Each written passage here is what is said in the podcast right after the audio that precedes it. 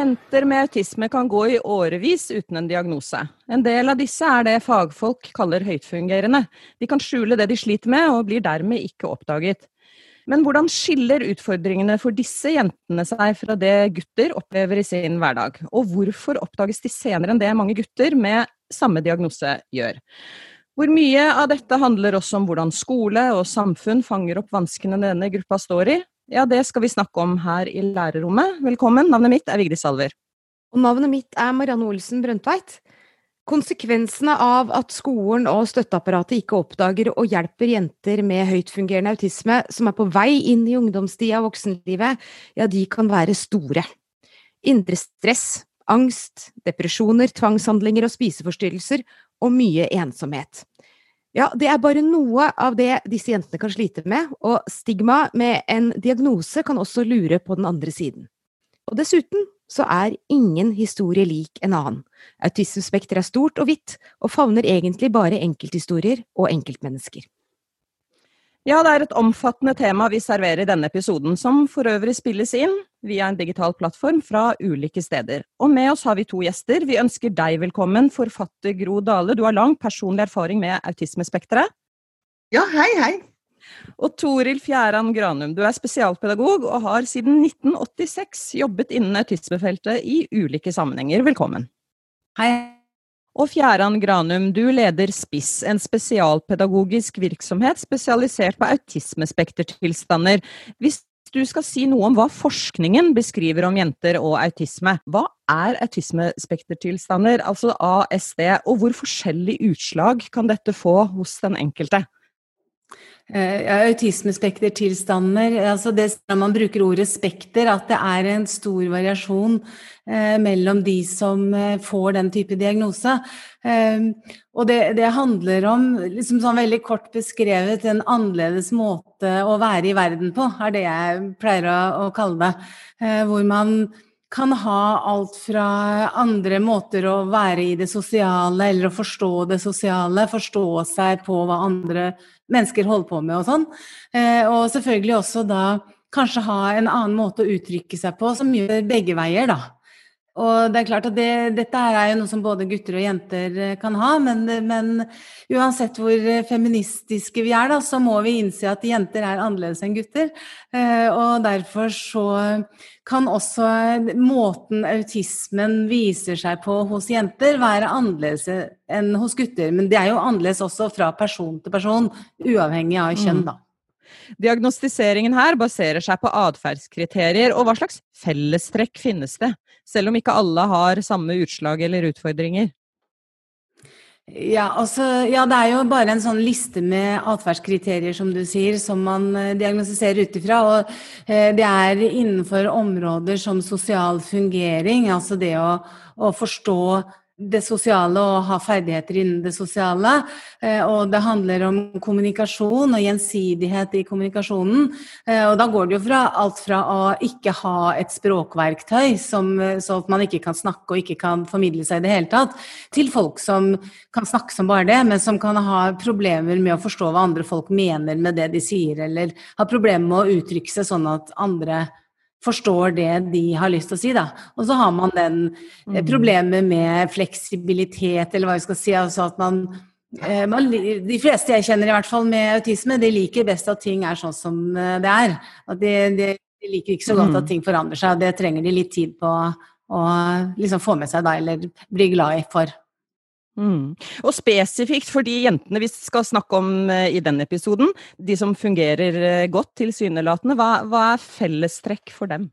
Uh, ja, det er En ting som er veldig spesielt for jenter, særlig de som da, som du sier, fungerer godt, eller som har normal intelligens, da, og som har mange mm. ferdigheter, det er at de er gode til å maskere, sånn at de de, de, gjør så godt de kan. Det er veldig mange sånne flinke piker som, som gjør så godt de kan, og, som, og, hvor det da ikke syns at de har det vanskelig. Det, de er mer sånn folk som har det vanskelig, og som ikke er vanskelige, holdt jeg på å si. Sånn at de blir ikke fanget opp. Det er ingen som oppdager eh, noe, fordi de er så gode på å late som allting eh, går fint.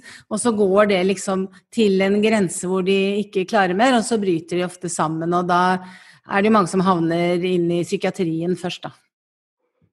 Mm, ja, som nevnt eh, innledningsvis, og som du sier nå, så oppdages ofte disse jentene seinere enn det f.eks. gutter gjør. Da. Og er det, er det andre årsaker til det enn denne maskeringen, denne skjulingen, som du sier? Ja, det har jo igjen med forskjellen mellom jenter og gutter. og Det, det er jo litt sånn firkant å si det, for jenter er jo også forskjellige fra hverandre. Men, men som så er jenter mer introverte eller tar ting mer innover seg selv, da. Eh, mens gutter oftere eh, er mer eh, ekstroverte, ikke sant, og kanskje utagerer eller, eller gjør sånne ting som blir lagt merke til. Sånn at de, med en gang du blir et problem for noen, så er det lettere at du får hjelp, enn hvis du bare sitter der og har et problem. Så det er det som er den store forskjellen, tenker jeg, selv om det er litt sånn firkanta sagt, da. Gro Dale, dette er en eh, tematikk som har fulgt deg i hele ditt liv. Og som mamma da til flere med det som tidlig het Aspergers, og du mener selv også at du har den samme diagnosen, noe du også får bekrefta fra helsepersonell. Kan du beskrive for oss da fra egne erfaringer og som mamma hva de største hverdagsutfordringene består av? Først og fremst skole. Eh, og skolen vil jeg si ikke er lagd for de som har asperger, eller de som er i autismespekteret. Hvis man bare kunne vært hjemme, hatt hjemmeskole, og da tror jeg faktisk at eh, korona har vært fint for veldig mange som, som har hatt hjemmekontor og hatt hjemmeskole. Fordi det er eh, møte med skolen hvor eh, veldig mange av disse problemstillingene eller sårbarhetene trer fram. Ikke minst det der med det sosiale i friminutt, før skole begynner, gruppearbeid, løsninger hvor man liksom mm, har, eh, har, oppgaver man kan løse når som helst, hvor som helst. Rotete strukturer, ulike eh, former for organisering. Og ting toppet seg vel kanskje litt rundt 00 og 2010, for da var det et eh, skoleideal for eh, fleksibel undervisning. Og barn hadde opptil ja, 16-17-18 forskjellige sosiale organiseringer i løpet av skoleuka.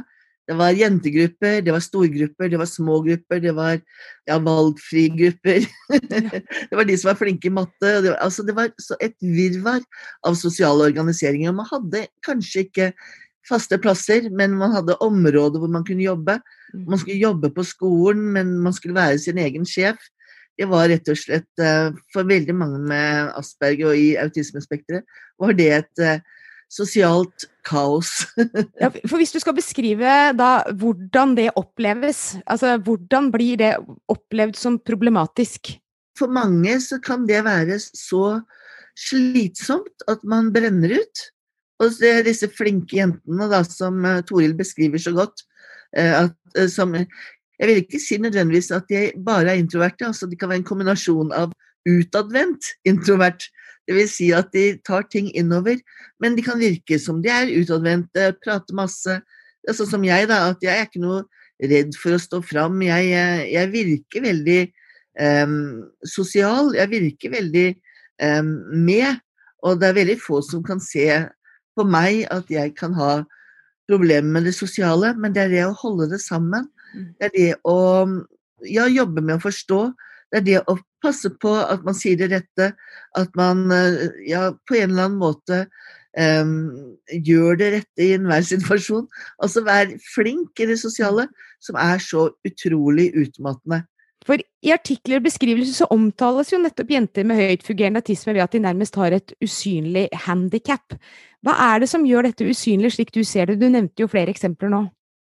Jeg ville kanskje ikke sagt handikap, jeg ville heller sagt en usynlig sårbarhet. Da.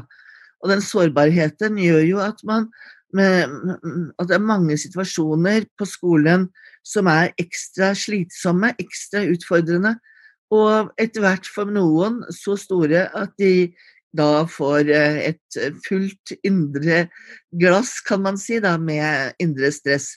Slik at eh, når det indre glasset er fullt av stress og av frustrasjon og av misforståelser og av fortvilelse, da kan det renne over i sekundære problemstillinger, slik som ja, spiseforstyrrelse, depresjon eh, osv. Hvordan leter disse jentene etter forklaringer hos seg selv for å finne svar? De føler ofte at det er de som er skylda. At de ikke er flinke nok, at de ikke um, er oppmerksomme nok, at de ikke jobber nok, står på nok, at de ikke er positive nok. at de, de, de, jobber veldig, veldig hardt. Og Derfor så fanges de sjelden opp før på ungdomsskolen eller videregående. Og noen ikke før på ja, universitetene, høyskolene. Men på et eller annet tidspunkt så kan det si stopp. Og selv om, man, selv om disse, disse barna og ungdommene er kjempeflinke faglig, så kan det hende at, at det faglige ikke At man ikke orker lenger å holde eh, verden sammen og holde det faglige sammen. Slik at man kan jo kanskje også at man får eh, altså underyter, da i forhold til eh, eh, både kunnskapsnivå og intelligens. Fordi man eh, Det er så sterkt, det, det overveldende sosiale i en skolesituasjon.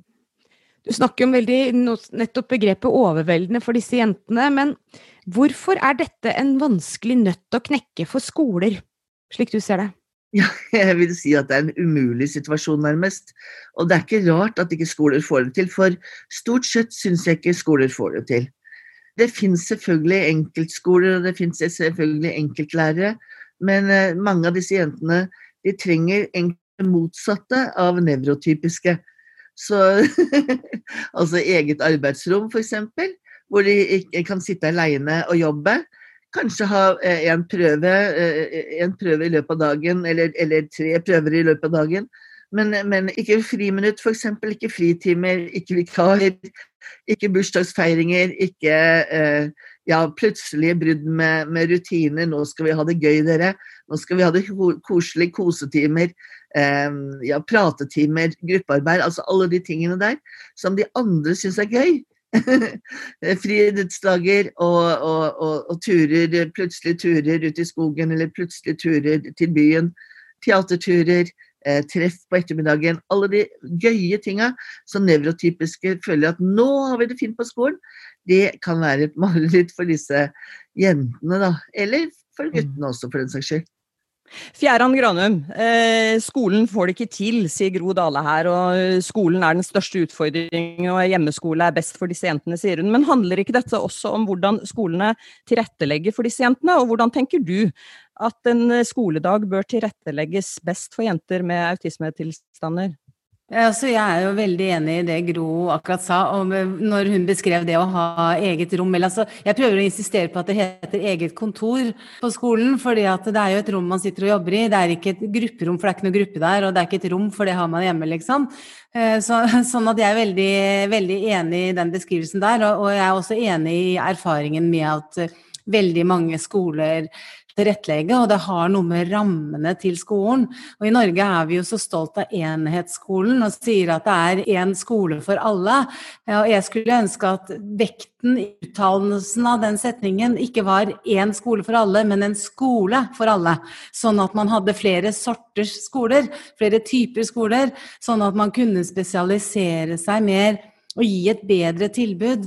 Uh, og jeg vet jo at det er, uh, ikke er politisk korrekt å si, men, men jeg står for det. At jeg syns synd at spesialskolene på en måte er nedvurdert. Da. Uh, jeg tenker at det kunne vært et veldig bra tilbud for veldig mange. Og jeg har også tenkt den erfaringen i den tiden hvor vi plutselig hadde hjemmekontor og hjemmeskole alle sammen. Det var så mange av de jeg kjenner som syntes det var helt toppers. Og bare det at man ikke skal håndhilse. Det var så mange som sa 'welcome to my world', liksom. Og det bare se på meg og lær. Eh, så, så Hvorfor kunne det ikke være et skoletilbud som var digital skole? Eh, og mm. som f.eks. PP-tjenesten kunne eh, tilrå at noen elever kanskje skulle ha deler eller hele skoledagen sin Eh, på den måten. Hvorfor kunne ikke det finnes i tillegg? For det, det, det er praktisk gjennomførbart hvis man bare har viljen til det. Ja, dette blir jo en stor eh, politisk diskusjon, og for å dra dette inn i den vanlige norske offentlige skolen igjen, så vil jeg litt tilbake til friminutt, som Gro Dale også var innom. Og er det ekstra viktig at skolen ser på friminutt som en læringsarena også for disse jentene og elevene? Og hva, hva trenger egentlig omgivelsene å lære seg om, eh, om disse jentene? Altså når det gjelder friminutt, så, og når du kaller friminutt en læringsarena, ja, husk det, friminutt er vel så slitsomt som undervisning i timen. Så det er en undervisningsarena, en arena som trekker energi, ikke nødvendigvis gir. Ikke De fleste barn de får energi av å leke sammen og være sammen og være sosiale, men veldig mange av de jentene her, og guttene òg for så vidt, de blir slitne av å være i friminutt hvis det er sånn organisert aktivitet og, og, og lekegrupper og sånn. Det er uh, veldig slitsomt, sånn at mange trenger å ha pause etter friminuttet for å komme seg igjen. Uh, men, men, når det er sagt, så er det en viktig arena på sosiale ferdigheter og Eh, liksom, hvordan, hva skal jeg gjøre for å få være med i leken? Hva skal jeg gjøre for å sette grenser for hva jeg har lyst til? Ikke sant, Alle de tingene. Og, og, særlig det med grensesetting er nok ekstra viktig i forhold til jenter. Fordi at det er mange av de som eh, senere i livet er veldig sårbare for å bli utnytta og, og, sånn. Sånn at det å jobbe med grensesetting tror jeg er, er eh, ekstra viktig, da. Mm. Men, men eh, litt mer, for det handler jo ikke bare om hva disse jentene skal beherske, det handler vel også om hva andre skal vite om dem, gjør det ikke det? Jo, absolutt. Eh, og, eh, og jeg syns jo det er viktig at eh, andre elever da får blir kjent med Eller får, får, vist, får demonstrert at det finnes mennesker som er på veldig mange forskjellige måter. Sånn at de erfarer det. Og det er jo en ting man sier ofte i skolen, at det er, det er liksom en av grunnene til at man har såkalt integrering. Det er jo ikke alle som er integrert selv om de sitter i klasserommet. Jeg er bare opptatt av å passe på at de som sitter i det klasserommet, klasserommet har utbytte av å være der. Eh, sånn at ikke de bare er der som eh, en demonstrasjon for de andre elevene. For da er, burde de stå på lønningslista, tenker jeg, og være lønna som medarbeidere på skolen. Eh, men, men, selvfølgelig, det er veldig viktig å informere både medelever, medforeldre og personal på skolen om hva dette her er for noen ting, og hvordan man skal forholde seg til både sånn generelt hva autisme er, og autisme og jenter, men spesifikt i forhold til akkurat den personen det gjelder. da. Hvordan den fungerer, og hva som er lurt å gjøre, og hva som ikke er lurt å gjøre, og, og sånt noe. For Du nevnte jo også her eh, at de er mer utsatt for eh, overgrep eller utnyttelse fra andre. Eh, hvorfor er de det? Det er jo en kombinasjon av at du er eh, kanskje litt mer naiv enn andre, eller du tror litt godt om folk, da. Og du tror kanskje eh, Du tror på det folk sier. Fordi at det er mange med autisme har problemer med å, eh, å, forstå intensjonen bak noe som blir sagt. ikke sant? Så man, man forstår det som blir sagt, men ikke nødvendigvis hva baktanken er. da. Eh, og hvis man også da har lært gjennom både oppdragelse og, og, undervisning på skolen at man skal gjøre som man får beskjed om, eh, så er det lett at man blir utsatt for å bli utnytta og at det blir gjort overgrep. Jeg kjenner mange voksne kvinner med autisme Asperger syndrom som har blitt utnyttet både seksuelt og på andre måter eh, mange, mange ganger, nettopp fordi de ikke klarer å tolke andres intensjoner, og fordi de prøver å være flinke, og fordi de ønsker seg sosiale relasjoner, sånn at de er redd for å bli avvist hvis de ikke går med på det som eh, blir på en måte tilbudt, da, selv om det er ikke et tilbud, men som blir foreslått. Mm. Ja, ofte må jo disse jentene øve på sosiale ferdigheter, som vi har vært litt inne på allerede. Og det er jo alt fra å si hei til andre, eller å møte andres blikk. Men ligger det et økt press i å skulle trene disse jentene til å mestre så mye at kravene kan bli helt overveldende? Ja, så Mange av de kravene der er jo meningsløse, spør du meg. Altså, Hvorfor skal man tvinge folk til å se på deg når du snakker, hvis det betyr at da hører de ikke hva du sier? Eh, da er det jo bedre å si 'hør på meg', da. Eh, og jeg, jeg, leder en sånn samtalegruppe for voksne med asperger. og jeg husker Det første året vi hadde en sånn samtalegruppe, da var det en av de damene som var med der, som sa jeg håper ikke dette er en sånn gruppe hvor vi skal lære å bli normale. Uh, og det, har, det, det, tok jeg så til meg. sånn at hovedgreia i den gruppa nå er jo empowerment. altså Hvordan skal du kunne være den du er i et, et sånn neurotypisk samfunn, da. Og noen ting må du kanskje gjøre for å eh, få det sånn som du trenger. Sånn at noen ganger Ja, ok, så lat som du ser eh, i øya på folk, da, så slutter de å mase med det, liksom. Eh, men, men, jeg tenker trene, man skal ikke trene bort autismen. Det man skal trene på, er lure ferdigheter som gjør at det funker bedre, sånn at du får et godt liv, og at det funker for deg. Og det, det, jeg tror nok skolen er litt mer opptatt av å få vekk sånn vifting med hender og Man må ikke drive med det, det er bare tull. Mm. Men hvis skolen da skulle mistenke at en elev eller en jente kan ha en udiagnostisert ASD, hva er veien å gå da? Altså, da må man jo få noen fagfolk til å se på det. Og, og det nærmeste for skolen er jo PP-tjenesten, sånn at PP-tjenesten kan komme og se. Men så er det jo ikke alle der som har den kompetansen. sånn at man må, og Hvis man skal ha en diagnose, så må man jo til BUP, da, eller inn, inn i helse. Og da må foreldrene gå via fastlegen til, til barnet sitt eh, og bli henvist til BUP. Og så får man liksom håpe at det er en BUP som har kompetansen. For problemet i forhold til jenter er at de aller fleste BUP-er har masse kompetanse på autisme hos gutter, men de er ikke alltid like gode til å oppdage det hos jenter. Og, og det blir vanskeligere jo eldre de jentene blir, da, eh, å oppdage det. For de har jo lært seg å kompensere og sånn, selvfølgelig. Dale, vi snakker om øh, diagnostisering her. Og med en diagnostisering så kommer jo også risikoen for feil diagnose. Og du er også opptatt av at diagnosen kan bli en belastning eller også et stigma. Men likevel så er den viktig for å få hjelp for mange, på f.eks. skolen. Hvordan skal man klare å finne balansen i dette? Ja, Det er en veldig vanskelig balansegang, men i Norge har vi et veldig negativt syn på autismespekter. Det er liksom tunge diagnoser, det er mye mm. eh, det, det, blir ansett som en, eh, en svikt eller et handikap, som dere også sa. Handikap eller en forstyrrelse eller en Eh, eller et problem. I Amerika f.eks. så har man et helt annet syn på asperger. Da kaller man, kaller man det for aspis. Og aspis det er litt sånn supermennesker, altså sånne X-menn, som har spesielle evner, som har særegen og fantastisk motivasjon, som får til ting andre ikke får til. Som har, er rett og slett eh, eh status, det er en statusgruppe Eh, I Norge det, eh, ser man på det som eh, noen som er i en svak gruppe, eller er i en utgruppe. Den oppgraderinga av status til å ha spesielle evner og kunne ses på innenfor spesielle grupper av ekstra talentfulle, det gir helt annen, et helt annet ståsted. Og I Danmark for eksempel, så har de skole for spesielt eller særskilt begavede barn. Og det er en Asperger-skole. Og det blir en sånn skole som uh, Toril snakker om her, en, en, en spesialskole. Og da, da, blir det ikke sånn at man er, er noen som blir dytta inn i et, et, kontor.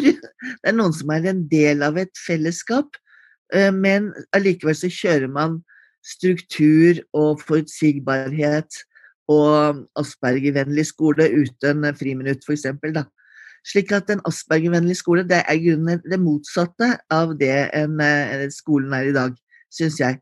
Og i eh, f.eks. Silicon Valley i California, hvor, de, hvor, det er veldig mange aspergere. Det er flere som er atypiske enn som er nevrotypiske.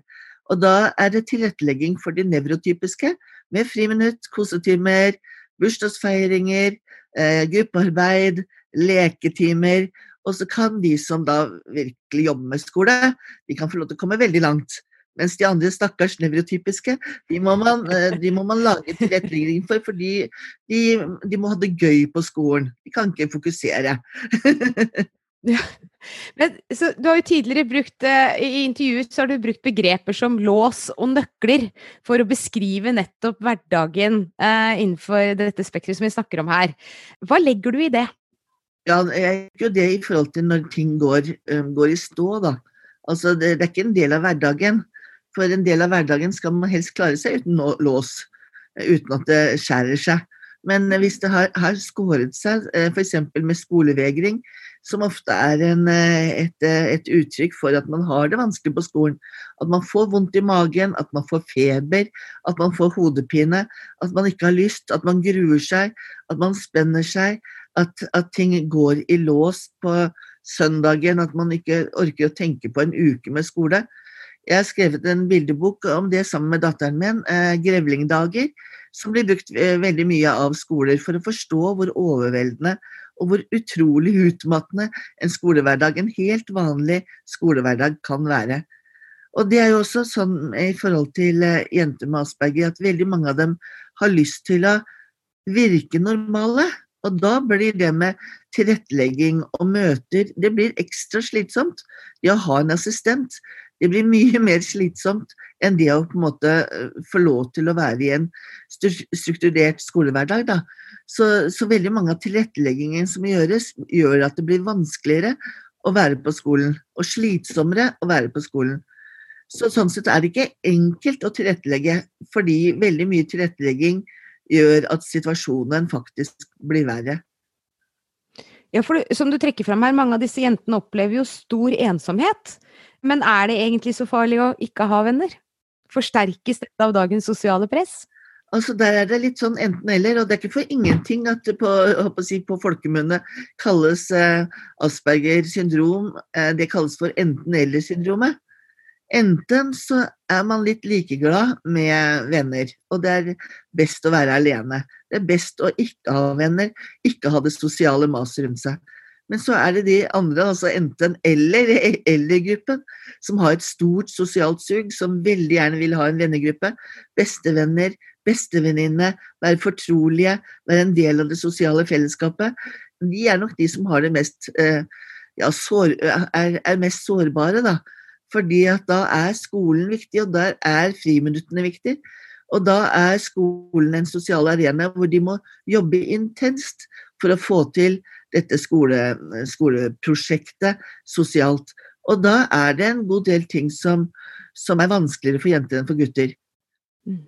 Ja, for jo, Hvis vi snakker om sosiale ferdigheter, så er det jo ofte det å manglende vurderingsevne i sosiale eh, settinger som kan være en utfordring. Hva kan nøkkelen ofte være i, i slike situasjoner, slik du ser det? Jo, altså For den eller-gutt, eller enten-gutten, de som ikke vil være sosiale, de er, la dem få lov til å være, ikke være sosiale. Altså La dem få lov til å gå for seg sjøl. Sitte på biblioteket, sitte på en stein eh, helt ytterst ute mot skolegrensen. Eh, gå for seg, og ikke, ikke nødvendigvis eh, være sammen med noen eller stå og prate i en gruppe. Det å tillate dem å være sære, det tror jeg er en, en, en fin ting. Men for de andre kanskje det å, å hjelpe til med å lage strukturerte fellesskap. da, Eh, F.eks. det med å ha datalaner også for jenter. Det fins veldig mange spill som er, er, er, er, gøye, som kan eh, være veldig veldig fint for jentegrupper også, ikke bare guttegrupper. Og det å dra på kino sammen, lage, organisere uh, kinoturer, det å organisere fellesskap, det kan være veldig fint for en god del av disse eldrejentene, de som har det sosiale suget og har lyst til å være en del av en gruppe. Men da igjen, altså, hvis, hvis de, de, som ikke har lyst til å ha det, eh, blir pressa inn i å være sosiale, kan det gjøre vondt verre og gjøre at man blir enda mer sliten. Ja, Det er jo forskjellige utslag her, eh, Fjæran Granum. og Er det lett å feiltolke det til at relasjoner ikke betyr så mye for unge med denne diagnosen? Ja, det er jo det som er på en måte utfordringen både for foreldre og for eh, skolepersonal. At, at eh, det er jo også en strategi hvis du føler deg mislykka i det sosiale, eh, og si at nei, men jeg bryr meg ikke noe om det, jeg er ikke interessert, jeg skal ikke ha noen venner. Sånn at det å skille de som faktisk ikke er så interessert i å være sammen med andre, fra de som sier at de ikke er interessert i å være sammen med andre, men egentlig er interessert i det, det er ikke alltid så lett å, å se forskjell på de to gruppene der, da. Men min erfaring i forhold til å være sosial når, er, når man har autisme eller asperger, det er lettere for mennesker med autisme, sånn jeg har erfart, å bli, være sosial over aktivitet istedenfor å være sosial over person. Altså De fleste av oss som ikke har autisme, vi, vi, møter en person, og så blir vi venn med den, og så gjør vi mange forskjellige ting sammen med den. ikke sant? Og personen er fokuset, og aktiviteten er bonusen. Mens for mennesker med autisme så er det ofte motsatt. altså at de De velger seg ut en aktivitet som de trives med og som de liker å drive med, og så treffer de kanskje andre som driver med det samme. F.eks. hvis de liker å spille sjakk, da, så drar de i sjakklubben, og så møter de andre folk som også liker å spille sjakk. Eh, og så er på en måte aktiviteten fokuset, og de andre folka, det er bonusen. Og da er det liksom sjakkvennene. Fordelen med det er at da vet man når det begynner, når det slutter, man vet hva som man skal gjøre der, og man vet at det er helt innafor å snakke bare om sjakk, for alle som er der, er interessert i, i sjakk. Sånn at det er mye tydeligere. Mye enklere, og en del av de vennskapene kan jo kanskje etter hvert også dras over i andre aktiviteter, men det er ikke noe hovedmål. Ja, hvilke tanker gjør du da om det, Gro Dale? For veldig mange jenter så er det med, med å være sosial, det er et tegn på vellykkethet. Eh, et tegn på at man er, eh, er flink. Så, så, så, derfor er det, som Toril sa, at man må skille mellom de som har lyst til å være sammen med noen, og de som eh, ikke har lyst til å, å ha mennesker rundt seg. Eh, også skille mellom de som har lyst til å være sammen med noen fordi de har lyst til å virke flinke, fordi de er en del av den sosiale suksessen, en del av det å være eh, det å få til livet, så, så, må de ha en venn, eller så må de ha en bestevenninne. Må man være populær innenfor det sosiale. Så Derfor er det veldig mange som jobber intenst for å være sosiale, for å være vellykkede, for å vise at de er suksesser på skolen, og som da sliter seg ut. Og det syns ikke så godt sosialt at de har asperger, eller at de er i autismespekteret. Eh, men man kan merke det på utbrenthet hvor slitne de blir. Og noen får eh, Altså, det, ME er jo veldig mange forskjellige ting. Og Asperger-ME er jo noe som fagmiljøene snakker om. Og, og at man da får en, en, en, en nedlukking av hele, hele, av hele seg, fordi man nå er det for mye. Men også de sekundære psykiske problemstillingene. Eh, tilbake til diagnostiseringen her, som vi var innom. og Midt i denne så står også foreldre, som ofte også kan oppleve prosessen fram mot en eh, diagnostisering og riktig tilrettelegging som en sorgprosess. Hvilke råd er viktig å gi dem? Eh, ja, Når det gjelder den sorgprosessen det, altså det, Man kan jo på en måte ikke forsere den eh, for noen. Man kan ikke realitetsorientere andre mennesker, det må folk gjøre selv. Eh, sånn at folk må få den tiden de trenger til å, til å eh, forstå hva dette her innebærer og sånn, men jeg tenker jo at veldig ofte når, når man får, blir formidlet at man selv eller barnet sitt har en diagnose, så blir det formidlet med en sånn bekymringsrynke i panna og med en sånn alvorlig stemme at ja, nå skal du høre her, og vi har undersøkt og nå har vi nok kommet fram til da at vi må nok kanskje si at det er nok autisme. ikke sant? Og man sier det på en sånn måte at man tenker at det er nesten en dødsdom. Sånn at en del av de eh, sorgreaksjonene eh, tenker jeg er mer knytta til måten diagnosen er formidla på, enn selve diagnosen. sånn at hvis man prøver å legge vekt på at uh, alt det positive, da altså Det her er jo vanlige folk. ikke sant? Det er bare at de de opplever verden på en litt annen måte. Det er jo ikke noe krise. Mm. sånn at det er jo liksom bare å prøve å finne ut uh, hvordan man skal støtte akkurat de, da. Mm. Så jeg tror der ligger mye av den sorgprosessgreia. Eh, ja, veldig kort, eh, Fjæran eh, Granum. Dette samarbeidet mellom hjem og skole som vi eh, snakka så vidt om. Hva er det som blir ekstra viktig med det, både underveis og etter i en diagnostiseringsprosess? Hva bør dominere dialogen? Eh, ja, det er jo viktig altså at man innser at disse elevene her de kan være forskjellige hjemme og på skolen. Sånn at når foreldrene beskriver eleven, så er det en, en beskrivelse, og skolen kan kanskje ha en helt annen opplevelse. Sånn at både, at både foreldre og skole tror på det. ikke sant? Altså, er, begge beskrivelsene er riktige som regel, da.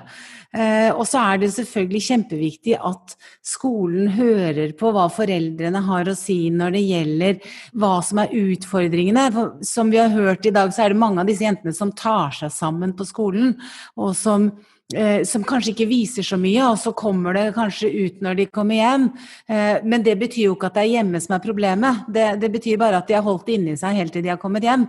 Sånn at skolen må eh, allikevel se på tilrettelegging og sitt opplegg, selv om ikke de merker noen problemer hos, hos jentene de, mens de er på skolen. Da. Det er kanskje det viktigste å få sagt om det. Dale eh, Fjæran Granum hun eh, snakket om bekymringsrynken som kan dukke opp eh, underveis i en og sorgprosess hos foreldre. Hva slags syn har du på det? Jo, altså I Norge så har vi da et negativt syn på Asperger-spekter. Det er liksom en tung diagnose. Er, er, vondt å fortelle og vondt å forholde seg til. Men eh, tvert imot vil jeg tenke at det kan være en lettelse å, å få eh, en diagnose som kan forklare og, og, og vise hvor, eh, hvor, problemene ligger. At de ligger på det, eh, eh, ikke på det psykologiske, men på det nevrologiske, f.eks. Eh, Tony Atwood, som er en av de store autismeforskerne i verden, og en, en nevropsykolog en gang i året. Og har skrevet veldig mange gode bøker, ikke minst Aspergers syndrom, som er en av de bøkene som brukes mest i, i forhold til både for skole og lærere, og for foreldre selv, og i helsevesenet. Han, han, sier at hans vinkling det er at dette her er en positiv forklaring, og han eh, starter ofte, eller avslutter ofte en utredning hvor det viser seg at barn eller ungdommen har Aspergers syndrom, så sier han gratulerer, du har Aspergers syndrom, dette er strålende, her skal vi få til fantastiske ting, og, og dette er, eh, er, kommer til å bli moro framover. At han vinkler det positivt. Og det er også noe man gjør i Amerika, f.eks. med Aspene og disse gruppene med, med, med høy selvfølelse, høy mestringsfølelse. Eh, eh, hvor det å ha asperger det er et kvalitetstegn.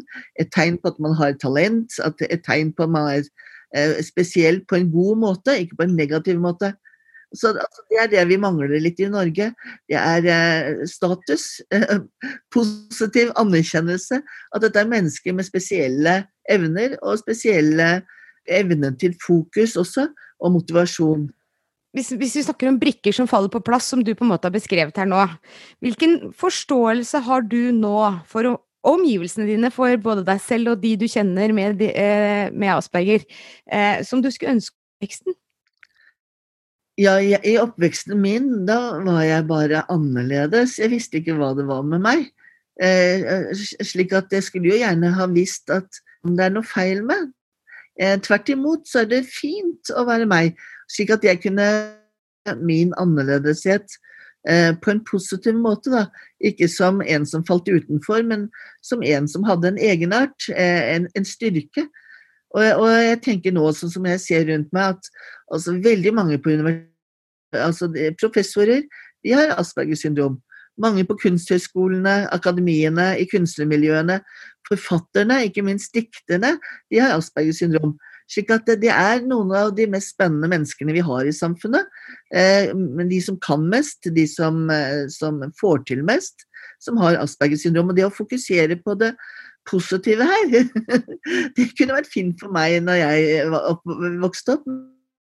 For de barna som, som, eh, som er rundt omkring på skolen og som føler seg som tapere, og som må få tilrettelegging, som ikke får til skolen, som, som vegrer seg og som hvor familien og foreldrene ser på dette som et stort problem, det å vite hvor bra det faktisk kan gå, hvis man ikke eh, si, sliter seg ut på veien. Ja, disse refleksjonene får eh, rett og slett avslutte denne episoden. Og her er det mye å gripe tak i og mye å snakke videre om, så gjør gjerne det. Vi sier tusen takk til Gro Dale og Toril Fjæran Granum for at dere var gjestene våre, og Marianne og jeg, vi sier takk for oss i denne episoden. Det gjør vi, Vigdis. Og vi sier tusen takk til alle dere som hører på Lærerrommet. Fortsett gjerne med det, og del episodene videre med alle dere kjenner. Lærerrommet er tilbake snart med en ny episode med tematikk henta fra utdanningsfeltet. Ha det riktig bra! Ha det!